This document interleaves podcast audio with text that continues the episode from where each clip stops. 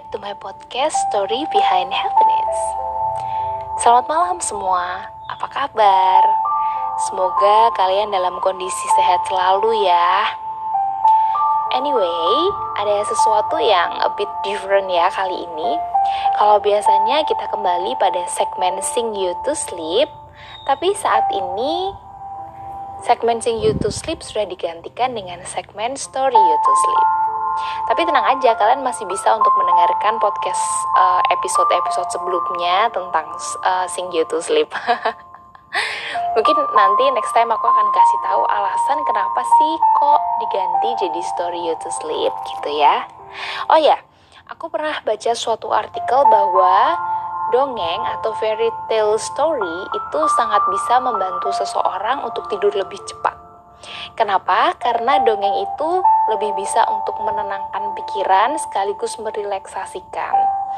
Dan bahkan sometimes ketika kita nggak sadar sih, ketika kita dengerin dongeng itu, eh kok sama ya kayak cerita dalam hidup aku, sehingga ada pesan moral yang bisa diambil dari cerita itu dan pada akhirnya mungkin bisa membantu untuk menyelesaikan masalah. Oke, okay, um, sebelum aku bacakan dongeng, aku pengen kasih kalian sleeping fact nih yang cukup seru menurut aku. Sleeping fact di sini artinya tuh kayak uh, pengetahuan baru gitu ya, knowledge tentang tidur. Hmm. Aku baca sebuah artikel di mana artikel itu berkata masalah tidur dan diri kita sendiri. Kenapa gitu? Karena gini, pernah gak sih kalian tuh tanya sama diri kalian sendiri, kenapa ya kok aku tuh kalau malam gak bisa tidur? Padahal seharian udah kerja, beraktivitas, melakukan banyak hal, tapi udah ngantuk sih, tapi giliran udah sampai ke tempat tidur, mau merem aja susah. Mau punya deep sleep gitu susah gitu rasanya. Kenapa ya? Pernah nggak kalian tanya kayak gitu? Nah, ternyata jawabannya ada pada diri kita sendiri. Jadi sebenarnya bukan kita itu nggak bisa tidur, enggak. Tetapi kita memerintahkan diri kita sendiri untuk tidak tidur. Gimana tuh? Jadi um, mungkin gini mungkin karena mungkin banyak pekerjaan padat gitu ya atau mungkin lagi ada masalah sama gebetan atau mungkin ada hal-hal lain yang mengganggu sehingga kita tuh secara tidak sadar memerintahkan otak kita untuk kembali memikirkan masalah itu. Atau yang lebih parahnya misalnya habis nonton drakor dan masih belum bisa move on. Nah, kita tuh memerintahkan otak kita untuk terus memikirkan hal yang kita pikirkan, yang kita ingin pikirkan. Nah, sehingga itu membuat kita jadi nggak bisa tidur. Padahal sebenarnya kita itu udah mau tidur, tapi kita sendiri yang membuat diri kita nggak bisa tidur. Jadi salah banget kalau semisal ada orang yang masih menyalahkan situasi dan kondisi seperti misalnya, duh rame banget sih, ada suara anak kecil, ada suara kucing berantem, ada suara ini, suara itu bikin kebangun. No, sebenarnya yang membuat kebangun itu ya diri kita sendiri gitu. Nah, salah satu cara untuk membuat kalian bisa benar-benar tidur adalah melupakan sejenak setiap masalah kalian hari itu. Jadi, ambil waktu istirahat kalian untuk kalian bisa benar-benar tidur total. Percuma juga kalian mikirin masalah itu toh masalah itu nggak nggak bakal mikirin kalian. Kalau semisal tiba-tiba besok kalian nggak bisa bangun terus terlambat, justru malah nambah masalah baru. Atau kalau semisal kalian bisa bangun lebih awal, tapi kalian merasa nggak puas sama tidur kalian, kan kasihan badan kalian nggak sih? Ya kan? Kayak gitu. Jadi mulai sekarang sebelum tidur Katakan sama diri kalian, aku bisa tidur dengan lelap, nyenyak, dan enak tanpa mikirin masalah apa pun. Ngomong kayak gitu berkali-kali sampai kalian bener-bener bisa tidur total. Dan tidur lelap, nyenyak, enak. Jadi besok paginya bisa bangun deh dengan tubuh yang segar. So, oke. Okay. Uh, dongeng kali ini, oh ya, sebelumnya aku mau kasih tahu bahwa setiap dongeng-dongeng ini hampir semuanya aku tulis sendiri Tapi ada juga beberapa mungkin yang mungkin kalian akan request dongeng-dongeng boleh banget. Misalnya aku tuh pecinta Beauty and the Beast. It's okay. Aku pencinta Little Mermaid.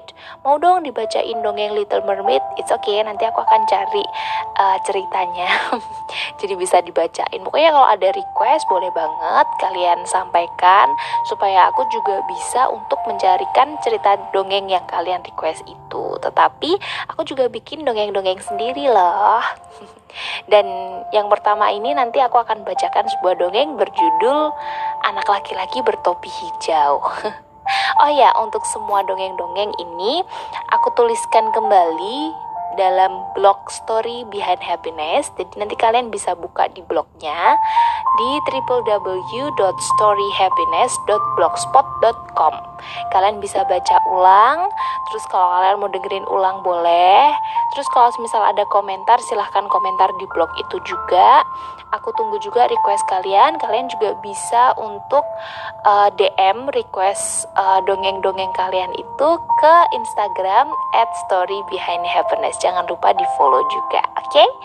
Oh ya, terakhir banget, terakhir banget sebelum dongengnya mulai, aku juga minta tolong banget supaya um, podcast ini mungkin bisa tuh di share gitu kan ya, di share lewat story-story sekalian gitu. Barangkali ada orang-orang di luar sana itu yang susah banget tidur ya kan? Yang insomnia.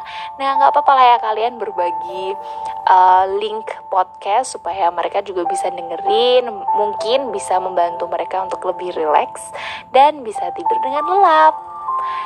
So selamat mendengarkan dongeng kali ini. Sampai bertemu lagi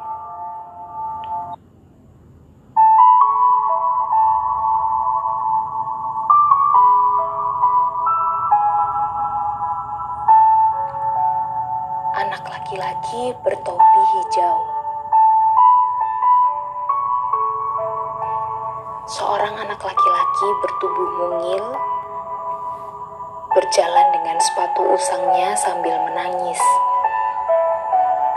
Ibunya tergopoh-gopoh menggamhiri. Sang wanita separuh baya itu bertanya, "Ada apa, anakku? Mengapa kamu menangis?" Sang anak tak dapat menahan tangisnya dan meronta-ronta. Sang ibu yang kebingungan hanya dapat memeluknya sembari menepuk pundaknya dan berkata, Kapan pun kau ingin menceritakannya, ibu akan mendengarkan. Jika sulit bagimu untuk mengatakannya sekarang, ibu tetap menunggunya.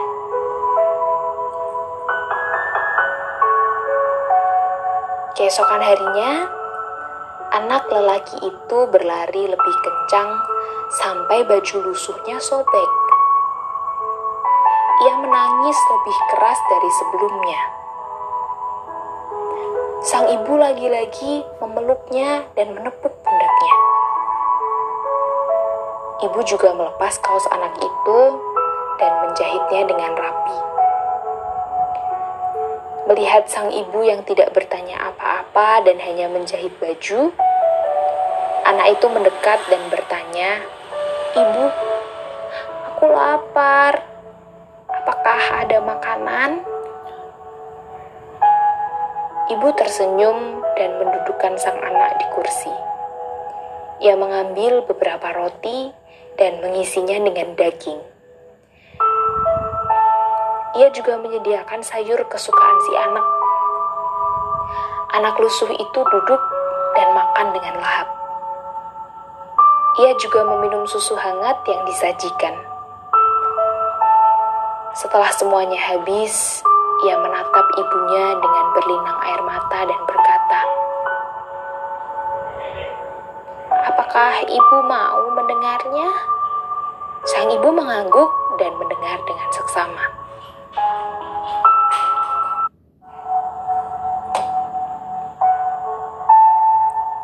Temanku berkata, sepatu dan bajuku lusuh. Mereka juga mengatakan aku kecil dan tidak berdaya. Aku tidak memiliki apa pun, Ibu. Si anak kembali menangis terseduh-seduh. Sang ibu memeluknya lagi dan bertanya, Apakah memiliki sesuatu haruslah berwujud barang atau materi? Aku tidak tahu, Ibu. Jawab anak itu sembari menangis putus asa. Kalau begitu, ibu akan memberimu sebuah hadiah. Ibu berjalan ke arah lemari dan mengambil sebuah kotak, seraya menyerahkan kotak itu pada sang anak. Bukalah, katanya dengan senyum sederhana. Anak laki-laki itu membuka kotak dengan tidak sabar. Ia menemukan sebuah topi hijau baru yang cukup keren di dalamnya. Ibu mengambil dan memakaikannya pada kepalanya. Ibu juga menata rambutnya. Tampan, kata ibu. Anak laki-laki itu melihat bayangan dirinya dari cermin. Ia melihat dirinya yang berbeda. Bagaimana menurutmu? Tanya ibu. Aku berbeda, jawab anak itu. Apakah kau sekarang merasa memiliki sesuatu? Tanyanya lagi. Anak itu mengangguk dan tersenyum bahagia. Kalau begitu, mulai sekarang, berjalanlah dengan tegak dan katakan pada dirimu sendiri bahwa kamu memiliki sesuatu yang berbeda. Tidak semua orang memiliki topi yang sama denganmu, bukan? Jika mereka memilikinya, kemungkinan besar saat dipakai tidak akan seindah saat kamu memakainya. Lalu, bagaimana jika topi ini menjadi usang dan jelek, Ibu? Tanya anak itu lagi. Ibu tersenyum dan berkata, tetaplah berjalan tegap. Angkat kepala dan bahumu, seolah topi itu masih baru. Pandang ke depan, jika banyak orang yang berteriak dan mengolokmu, biarkan saja mereka. Buang kata-kata itu dari telinga, hati, dan pikiranmu. Tinggalkan mereka seperti barang usangmu. Lihat ke depan dan pilihlah barang barumu. Bukankah menyenangkan? Anak itu tersenyum dan memeluk ibunya. Sekarang sang anak dapat berjalan tegak tanpa merasa malu ataupun khawatir. Hari berganti hari, bulan berganti bulan, dan tahun berganti tahun. Sang anak terus berjalan tegak dengan topi hijaunya. Hingga suatu hari, ia melepaskan topi hijau itu ketika berkaca. Anak itu membetulkan dasinya dan mengelap sepatunya yang mahal. Ia juga membetulkan kerah bajunya yang indah. Anak itu tersenyum pada topi usang di tangannya. Terima kasih untuk membuatku berjalan tegak. Aku tidak lagi mendengar olokan. Tapi aku juga tidak mau mendengar pujian. Aku tidak mau bahuku terlalu tinggi dan kepalaku terlalu besar karena aku tidak akan bisa lagi memakaimu jika aku sangat membutuhkanmu kelak topi hijauku.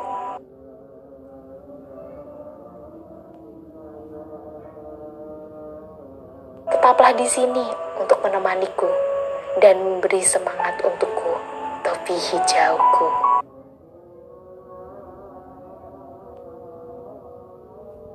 Kadangkala kita sering kali berpikir bahwa aku tidak punya apa pun yang bisa aku banggakan. Aku biasa saja. Aku tidak seperti si A, B, C, D, E yang luar biasa hebat dan dikagumi. I'm just the ordinary man or I'm just an ordinary woman. I don't have anything in my life. Padahal sebenarnya ada banyak hal-hal istimewa yang diberikan kepada kita. Hanya karena kita terlalu ingin menjadi orang lain, kita terlalu ingin memakai baju dan sepatu orang lain, menyebabkan kita lupa pada topi hijau kita sendiri. apa pun yang saat ini sedang kalian hadapi, meskipun mungkin ada banyak orang yang tidak menyukai kalian, atau mungkin ada banyak orang yang iri dan benci pada kalian, mengolok kalian, it doesn't matter. Tetap jadilah diri kalian sendiri. Tetap berjalan tegak, lurus ke depan, dan semua yang kalian lakukan hanya perlu memakai topi hijau kalian. Percayalah bahwa semua itu adalah hadiah. Hadiah untuk boleh terus kamu pakai